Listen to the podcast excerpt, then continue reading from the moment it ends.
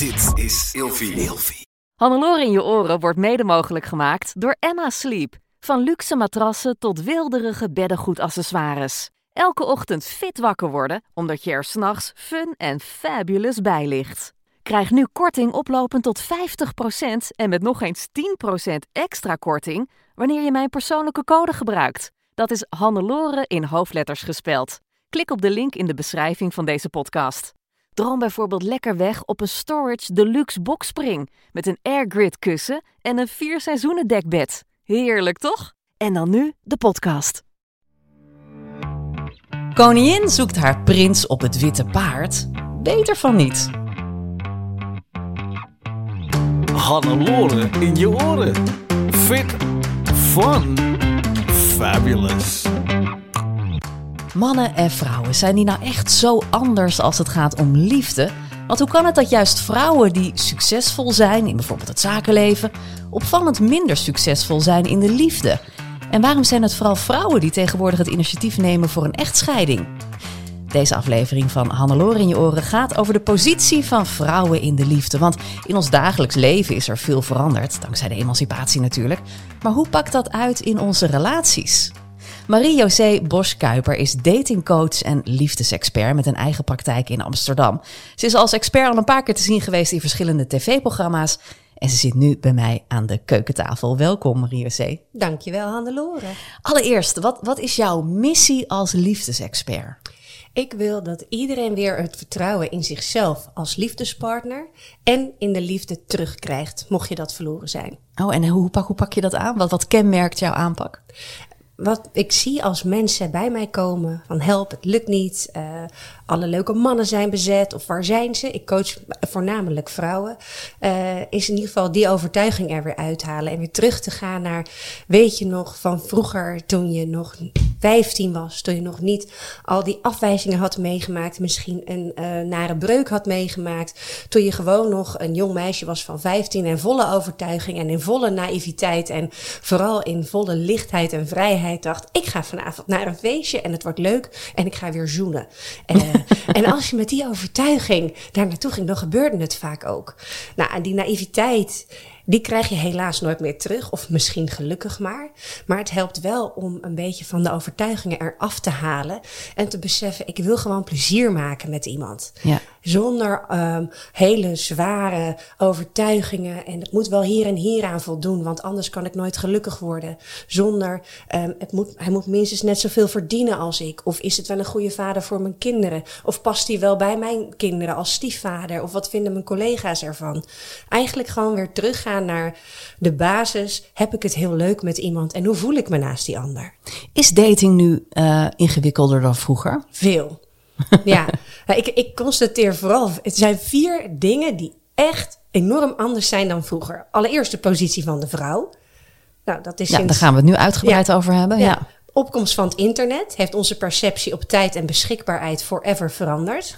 Met één druk op de knop heb je tien minuten later je boodschappen voor je deur.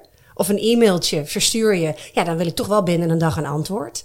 Dus we gaan heel anders om met tijd. ja. met tijd en beschikbaarheid. En heb ik nog niet eens over wat de apps wat daarbij ook echt niet helpt. Dikke vette keuzestress, denk ja. ik altijd. Ja. Uh, dan uh, kwetsbaarheid is heel erg veranderd. We leven veel meer alleen dan vroeger. Vroeger zaten we in een gemeenschap. Nou, dat was ook wel verstikkend. Want als jij lid was bij de ene kerk, dan had je ook die omroepgids. Ging je naar die school en naar die sportschool. Heel verstikkend. Ja. Uh, dus dat had echt wel zijn nadelen. Maar je hoorde wel ergens bij. En je had verantwoording af te dragen aan je gemeenschap. En binnen die gemeenschap voelde het veilig. En binnen die gemeenschap kon je dus ook kwetsbaar zijn. Want je hoorde er sowieso bij.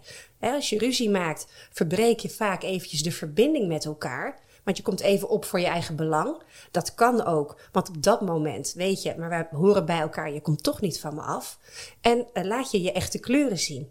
En weet iemand wie je echt bent. En dan kan je verbinding maken. Maar op het moment dat jij uh, geen, uh, niet, geen ruzie durft te maken, niet echt durft te laten zien wie je bent, kan je geen verbinding maken en blijf je alleen. En als je alleen in de maatschappij leeft, ja, dan, dan, dan leer je het af eigenlijk om die verbinding te maken en kwetsbaar te zijn. Ja, dus het, het individualisme ja. is een probleem. Qua ja, daten. Het, het geeft heel veel vrijheid. En, hè, maar ja, alleen, alleen kom, ga je sneller, maar samen kom je verder. Ja. En dat is wel in de daten. Ja, nou, we gaan het nu vooral hebben dus hè, over, die, over die positie van de, van de vrouw. Ehm, je hebt ook een boek geschreven over daten. Laat ik dat meteen even bijpakken. Zo is daten wel leuk. Ja. Datingtips van de liefdesexpert. Nou, dat gaan we nu ook zeker behandelen.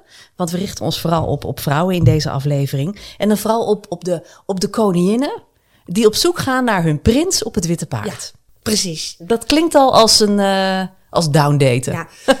wat, nou, wat, wat ik wil, ik, ik spreek heel veel prachtige, succesvolle, stoere, geweldige vrouwen met een mooie carrière die eh, goed, goed geld verdienen, die een man eigenlijk niet nodig hebben tussen aanhalingstekens. Eh, en ook denken, ja, eh, iemand moet wel echt een aanvulling zijn op mijn leven. En dat is ook terecht, want je, het is geen invulling, je hebt het allemaal goed voor elkaar. Maar ja, wie kan daar nou tegen opboksen? En dat is precies waar ze naar op zoek gaan. Eigenlijk iemand die dan nog meer verdient, die nog succesvoller is. En ze zeggen heel vaak: ja, ik wil wel een beetje tegen hem op kunnen kijken. Oh, Ja, terwijl, en dat snap ik, want ik, ik noem dat dan het sneeuwwitje-syndroom. Dat Ja. is natuurlijk wat wij als meisje altijd hebben gehoord. Het is een prins op witte paard die een hulpeloos prinsesje komt redden en ze leeft er nog lang en gelukkig. ja. En dat kan dan onbewust een overtuiging zijn dat jij denkt, ja, een man is toch degene op wie je moet kunnen terugvallen. Omdat we dat hebben geleerd natuurlijk. Ik Ja. zit heel hard te denken of ik dat zelf heb geleerd. Wel een beetje, ja. Maar ik heb er altijd heel erg tegen verzet. Ik dacht altijd, Oh. ik doe het zelf wel. En, en hoe ging dat met daten met jou? Nou ja, dat was vrij kort eigenlijk. Als in, ik, heb, ik zit even te denken aan de verkeringen die ik heb gehad voor, voordat ik dus Remco eh, kreeg. Nou, die zijn denk ik allemaal wel afgehaakt. Omdat ze zeiden dat ze mij niet aankonden. Oh ja. Omdat ze zeiden van, ja, je bent te veel. Of ehm, Nou, die dan een beetje jaloers werden Ja. of zo. Tenminste, en dat zag ik dus op dat moment niet. Maar dat zei dan mijn moeder bijvoorbeeld, of een vriendin Ja. zei dat. Van ja, maar eh, hij heeft eh, hier en hier moeite mee, want zijn opleiding lukt niet. En jij gaat als een speer. En hij trekt dat gewoon niet. Ja. En toen zat ik te denken van ja, dus echt serieus, toen was ik eh 20, 21. En toen heb ik een lijst gemaakt. Dat vond ik ook zo leuk, want ik zat te kijken op jouw site. Hè? En jij zegt ook, pas als je weet wat je zoekt, zal je het vinden. En toen dacht ik, ja, verdikke me, want dat heb ik vroeger dus gedaan. Ik ben echt gaan zitten toen. En ik heb een lijst gemaakt toen weer de verkering uit was, waarvan ik echt dacht, dit was hem. Waar je überhaupt mee bezig bent op je twintigste. Ik denk, joh meid, take your time girl. Hè? Maar goed, hè? ik was er vroeg bij. En toen heb ik een lijst gemaakt. Ik denk, waar moet mijn eh, grote liefde nou aan voldoen? Wat, wat zoek ik in een man? ja. En ik weet niet meer wat ik erop heb Dat gezet. Daarvoor is het gewoon te lang geleden. Maar ik had allemaal eigenschappen opgeschreven. eh, eh, zorgzaam, eh, lief voor kinderen, zelfde niveau, gevoel voor humor. ehm, eh, moet me echt kunnen laten lachen. Ik moet me fijn voelen bij hem. Dat soort dingen allemaal. En toen zat ik te kijken naar dat lijstje. En toen dacht ik echt, hè? Dit is Remco. En ik schrok daar heel erg van. Wie was Remco? Nou, dat was dus een ehm, nou, voormalig klasgenootje. We hadden zes jaar bij elkaar in de klas gezeten op de middelbare school. En eh, mijn beste vriendinnetje toen, die had op mijn verjaardag, toen we allemaal net studeerden, ik ben dus in september jarig, dus net na het eindexamen gingen we allemaal net, waren we allemaal aan het uitvliegen. Toen vierde ik mijn verjaardag en toen had zij eh, zijn beste vriend ontmoet. En hij studeerde toen dus met die beste vriend, wat ook een goede vriend van mij was, ook zes jaar met in de klas gezeten, in Enschede samen.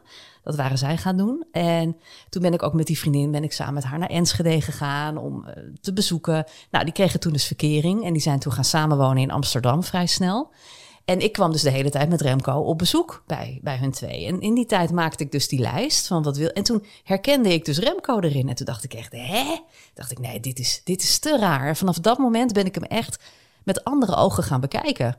Toen was het niet ineens meer eh Daffy, noemden wij hem vroeger altijd in de klas. Toen was het niet ineens meer Daffy, maar toen werd het ineens Remco, serieus boyfriend material.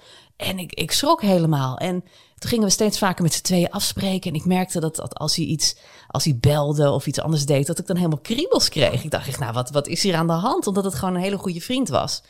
En toen later bleek dus dat hij de hele middelbare schooltijd verliefd op mij is geweest. Wat ik dus helemaal niet wist. Maar hij zei van ja, ik heb je even laten uitrazen. dat had je nodig. En ik dacht, ik wacht op je, want ik krijg je toch wel. Wauw, nou, dus dat is echt ja, heel bizar.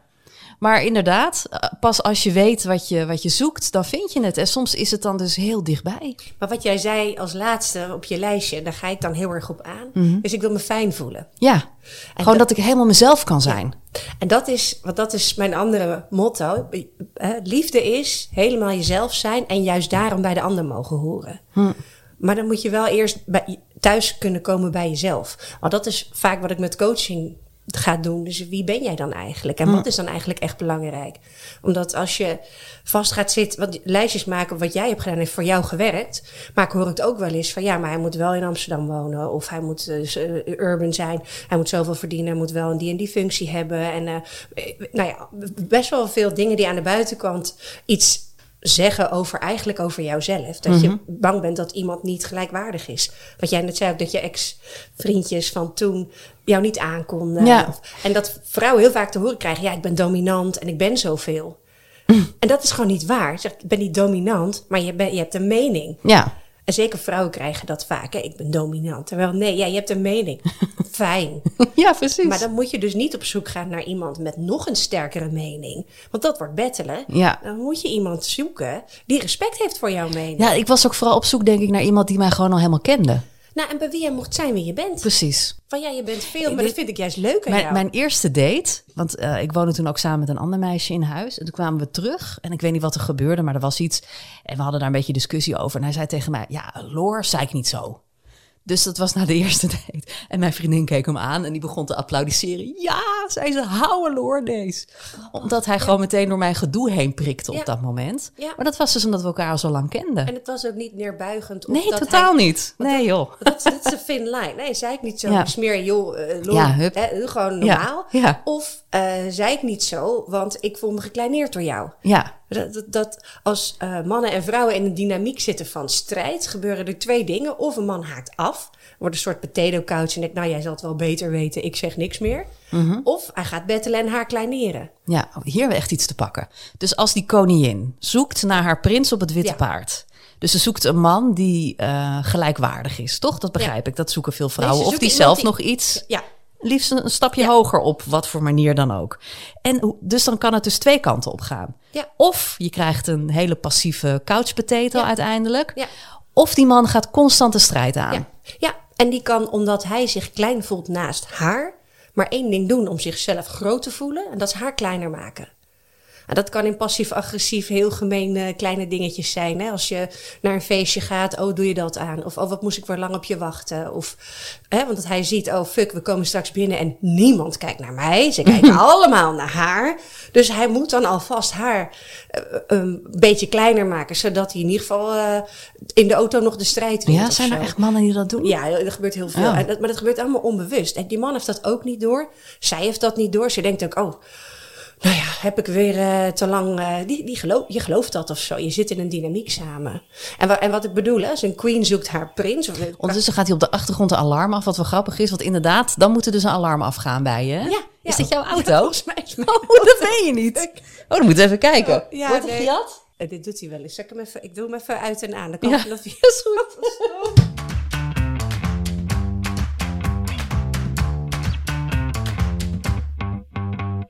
Dus we hadden het over de. Oh ja, de koningin. Ja. De, koningin die haar prins zoekt. Prachtige titel eh, trouwens. Eh, ja, dat zijn koninginnen die, die zich als prinsesjes zijn, zijn, zijn gaan gedragen. Ja, dus die gaan zich heel afhankelijk opstellen. Ja. Die willen bevestiging van zo'n man.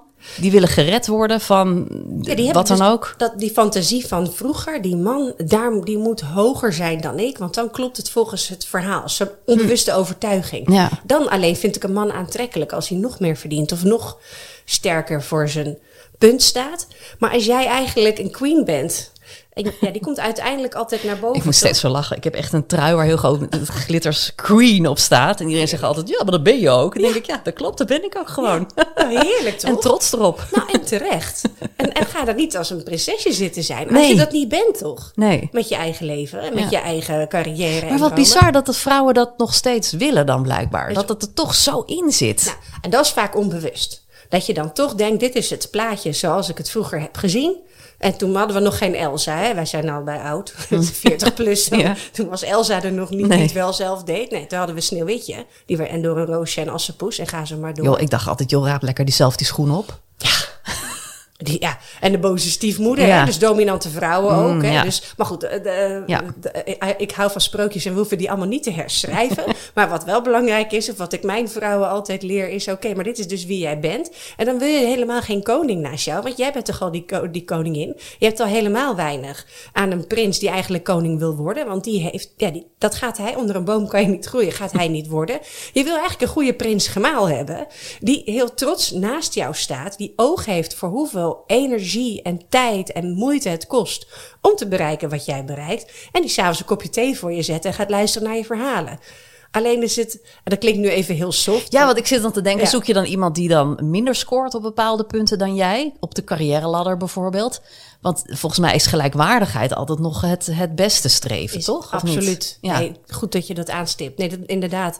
Gelijkwaardigheid is het allerbelangrijkst. Ja. Maar gelijkwaardig zit gelijkwaardigheid zit hem in respect hebben voor elkaar. Precies, elkaar laten shinen. Ja, en daar hoef je niet hetzelfde voor te verdienen.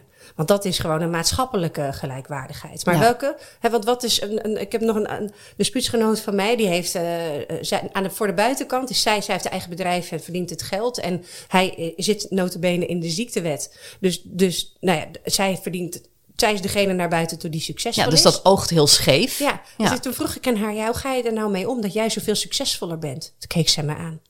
Ben ik dat dan? Wat is nou succes? Ik zeg, hij maakt iedere dag mijn ontbijt. Ik oefen al mijn presentaties op hem. Hij stelt me de meest kritische vragen. Hij reikt mij de boeken aan die ik moet leren. Ik vind hem zo intelligent. Wat is nou succes? Dat bepalen wij toch zeker zelf? Toen dacht ik, oh, deze ga ik onthouden. Nou, wat goed. Want Ja. succes is iets wat, wat anderen misschien kunnen zien. Maar alleen jullie twee bepalen wat succesvol is en wat intelligent is en wat steun is. Ja. De kunst is alleen, en daarom moet je hem eerst afpellen. Wat heb jij als koningin nou nodig om gewaardeerd en gezien te worden?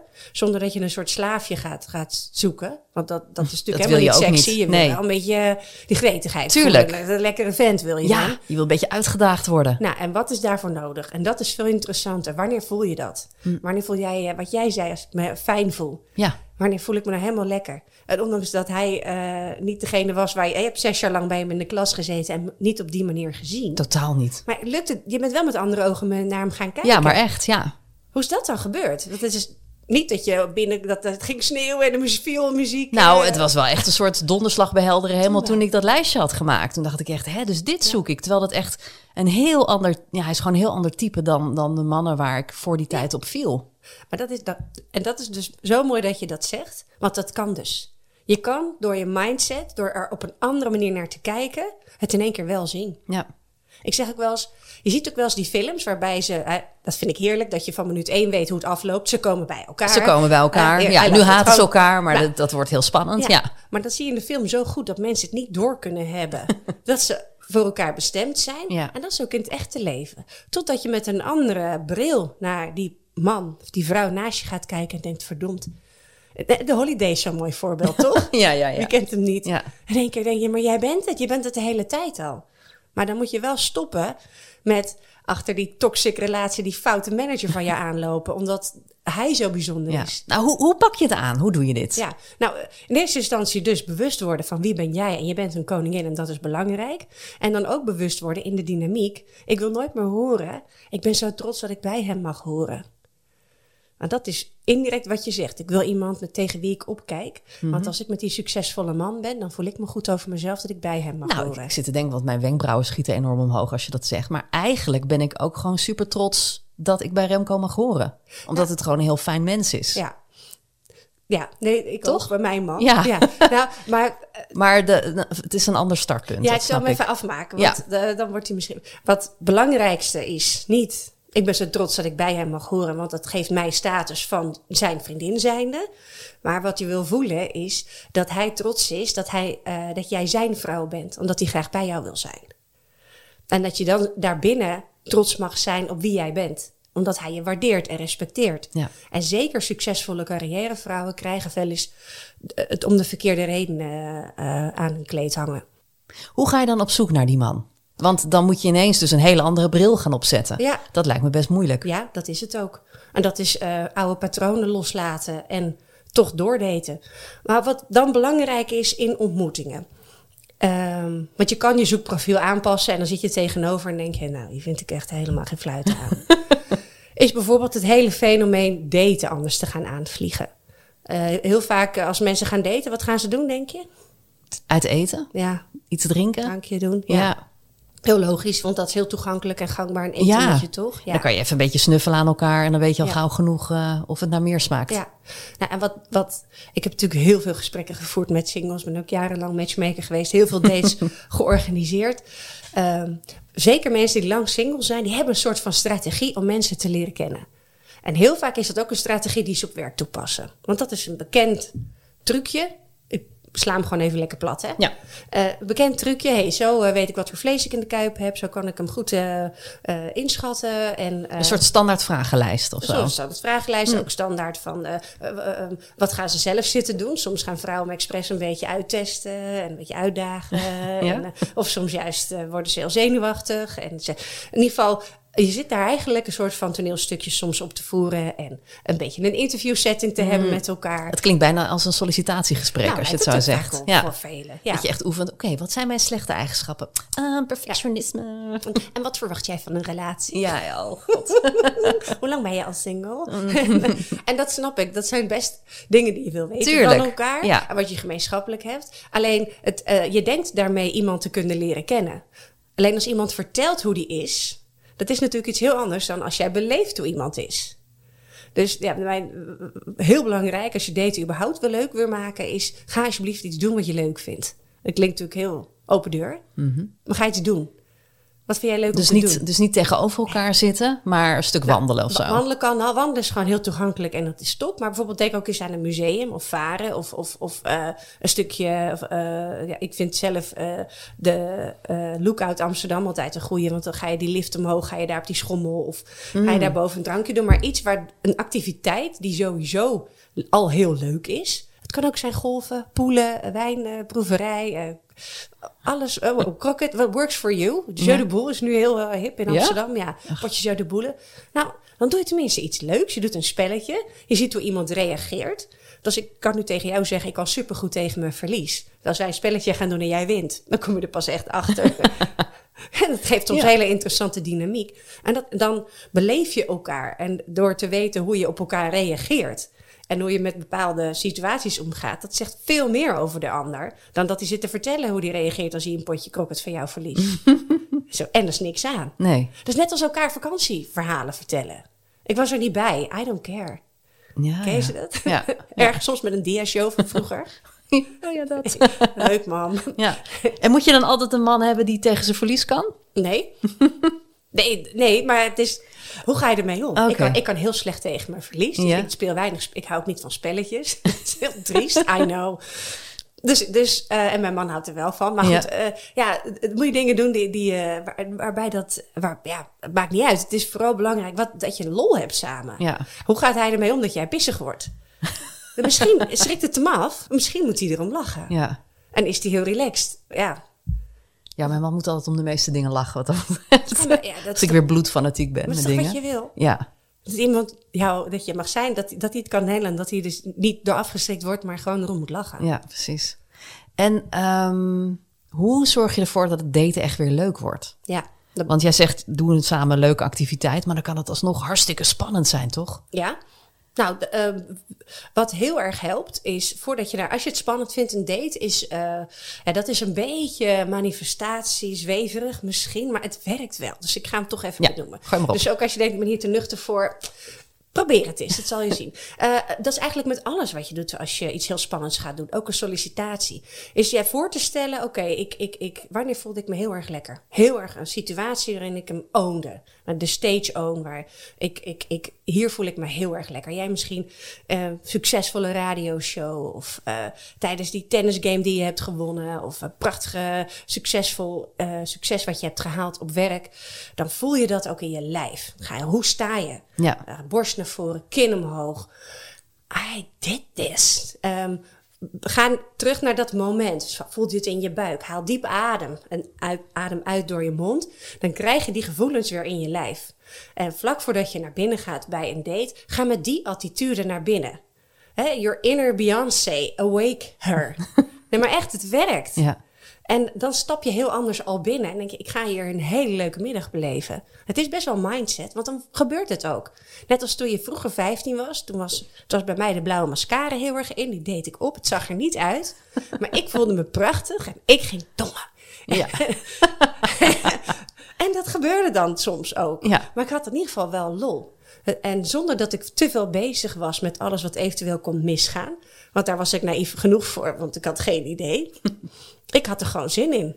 Ja, en dan wordt het sowieso leuk. En dan wordt het daten ook niet meer per se het middel. Maar het doel van ik ben hier nu toch. Ik heb deze middag komt nooit meer terug of deze avond. Dus ik ga er gewoon iets leuks van maken. En als het gezelschap meevalt, nou, kers op de taart. En als het niks is, is het in ieder geval die, die slagroomtaart prima. Maar ben je dan niet veel langer bezig met daten voordat je echt weet van iemand, deze past wel of niet bij mij? Je, je, je weet of iemand bij je past als jij je als jezelf goed genoeg voelt en merkt. Hé, hey, ik durf grapjes te maken bij hem. Want ik ben niet bang dat mijn grappen stom zijn. Of, of dat je denkt, hé, hey, ik, ik zit hem helemaal niet te kleineren. Ik vind het leuk om naar hem te luisteren. Of het boeit me. Ehm, jouw gevoel, hoe jij je voelt naast die ander, zegt veel meer over of die ander bij je past dan of je hem leuk vindt. Ik zeg het een beetje ingewikkeld misschien. Ik bedoel daarmee, ga nooit letten op wat je van die ander vindt. Maar ga nou eens nadenken, hoe vind ik mezelf naast die ander? Welke versie van mij zit hier? Is dat de carrièrevrouw? Is het de lolbroek? Ga ik uh, schattig prinsesje zitten uithangen? Uh, ga ik hem zitten pesten? Wat ben ik aan het doen? En alle versies van jou zijn goed, want dit is allemaal jij. Maar welke versie haalt hij bij jou naar boven? En wat vind je daarvan? Vind je dat leuk? Dat die versie daar zit. En wat is dan de goede versie? Ja, je zegt alles is leuk, dat snap ik. Maar je wil niet constant het prinsesje willen uithangen bij iemand, toch? Nee, maar dat is leuk om te constateren, want dan weet je dus dit is geen match. Hm. En, en, wanneer weet je dan of het wel een match is? Als jij als jezelf je helemaal lekker voelt. Hm. De, de, de vrouw die, nou in mijn geval, um, die eerlijk uh, voor de mening gaat zitten uitkomen en niet politiek correct gaat zitten meekletsen. Die uh, grapjes gaat zitten maken. Um, die ook vragen terug gaat stellen. Ik praat graag. Dus als ik, als ik iemand niet interessant vind, ga ik zelf zitten kletsen en bewijs van. Maar dat je merkt, hé, hey, ik zit heel, oh, ik wil het echt wel weten. En ik ben benieuwd wat hij hiervan vindt. Een tip hierbij is ook, ga altijd op zoek naar inclusieve onderwerpen. Niet wel hoe is jouw werk, hoe is mijn werk, maar hoe vind je werken überhaupt?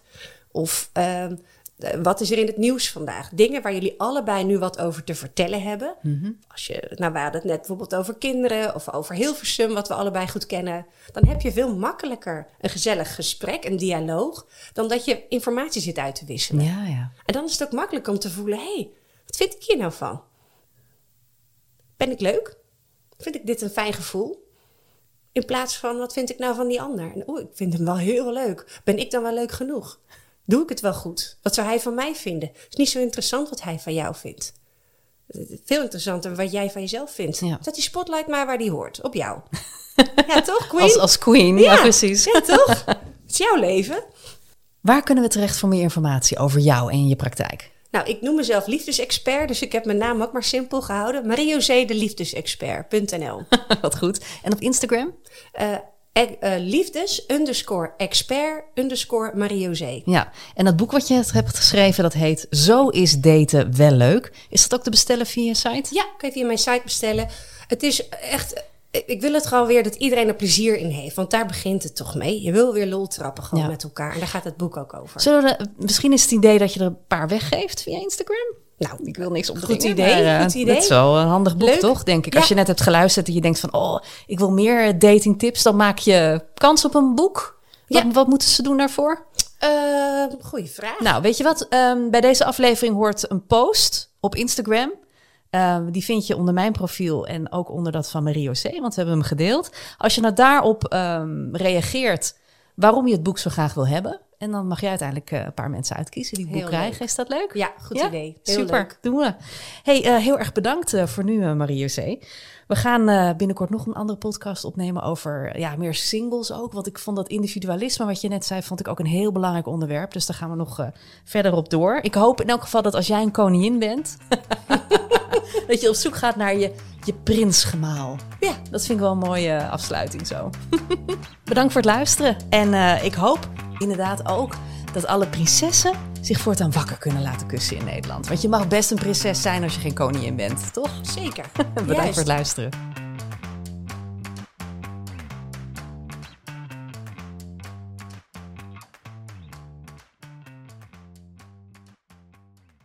Hannelore in je oren wordt mede mogelijk gemaakt door Emma Sleep. Krijg nu korting oplopend tot 50% en met nog eens 10% extra korting wanneer je mijn persoonlijke code gebruikt. Dat is Hannelore in hoofdletters gespeld. Klik op de link in de beschrijving van deze podcast.